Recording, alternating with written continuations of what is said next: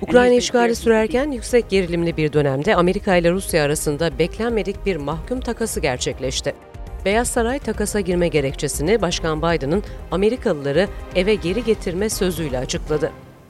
Başkan Joe Biden, Perşembe günü kongreden Ukrayna'ya daha fazla askeri, ekonomik ve insani yardım sağlamak için 33 milyar dolar istedi. Washington raporuna hoş geldiniz. Ben Serra Karaçam. Hafta boyunca Amerika'da yaşananların özetiyle karşınızdayız. Birleşmiş Milletler Genel Sekreteri Guterres, Kiev'de Ukrayna lideriyle görüştü. BM Güvenlik Konseyi'nin Ukrayna Savaşı'nı bitirmekte başarılı olamadığını kabul etti. Ziyaret sırasında Kiev'e iki füze saldırısı gerçekleşti. Beyaz Saray sözcüsü Jen Psaki, Rusya ve Amerika arasındaki tutuklu takasının ülkesinde yapılmasına izin verdiği için Türkiye'ye müteşekkir olduklarını belirtti. Beyaz Saray Ulusal Güvenlik Danışmanı Jake Sullivan da sosyal medyada Amerika, Rus mahkum değiş tokuşuyla serbest kalan Trevor Reed'in dönüşünü mümkün kılmakta üstlendiği rol için Türkiye'ye minnettar ifadelerini kullandı. knowing full well that Ukraine was unlikely to ever join NATO since it had already been 14 years since they were said they were going to become members. Why was it so important last fall, before this invasion, to continue agitating for Ukraine's admission to NATO? Senatör Rand Paul, Amerikan Dışişleri Bakanı Blinken'a Senato Dışişleri Komitesi'nde bütçe görüşmeleri sırasında kısmen de olsa Amerika'nın Ukrayna'nın NATO'ya kabulüne verdiği desteğin Rusya'nın Ukrayna'yı işgaline yol açtığını söyledi. Rand Paul, Amerikan dış politikasını eleştiren ünlü siyaset bilimci John Mearsheimer'ın Ukrayna konusundaki sıkıntının aslında Bush yönetiminin Ukrayna ve Gürcistan'ın üye olacağını duyurmak için ittifakı zorlamasıyla 2008'de NATO'nun Bükreş zirvesinde başladığını yazdığını hatırlattı. John Mearsheimer writes that the trouble over Ukraine actually started at NATO's Bucharest summit in 2008 Dışişleri Bakanı Blinken'a Temsilciler Meclisi'nin bir başka komitesinde ise Biden yönetiminin Türkiye ve Hindistan gibi müttefiklerle çalışmaya yardımcı olmak için bürokrasiyi ortadan kaldırmak adına neler yapabileceği soruldu. Blinken hem yürütmenin hem de yönetimin süreçlerde acele etmesi gerektiğini kabul etti.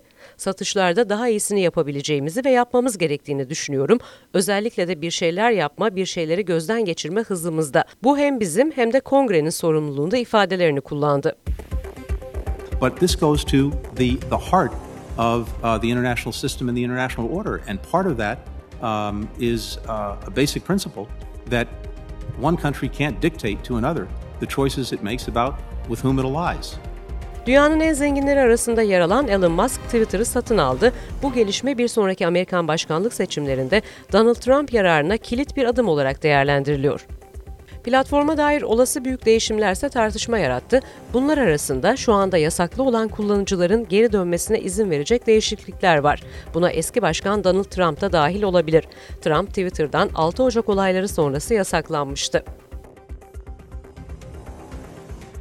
After completing this extensive investigation, the Minnesota Department of Human Rights finds that the city and Minneapolis Police Department engaged in a pattern or practice of race discrimination in violation of the Minnesota Human Rights Act.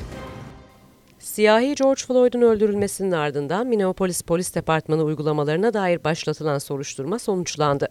Siyahları beyazlardan daha yüksek oranda durdurmak ve tutuklamak, beyaz olmayan insanlara daha sık güç kullanmak ve ırkçı dilin hoş görülmesi gibi konular da dahil son 10 yıldır ırk ayrımcılığı tespiti yapıldı.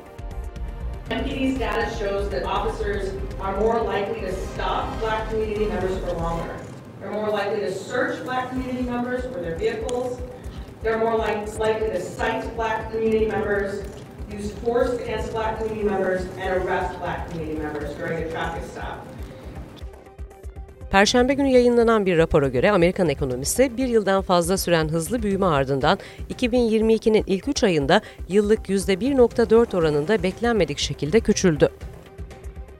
Georgia valisi ebeveyn hakları bildirgesi tasarısını imzaladı. Tasarı ebeveynlerin veya velilerin sınıflarda kullanılacak materyalleri gözden geçirmelerine ve eyalet eğitim kuruluna başvurmalarına izin veriyor. Vali ayrıca bölücü kavram ve ideolojilerin öğretilmesini yasaklayan tasarıyı da imzaladı.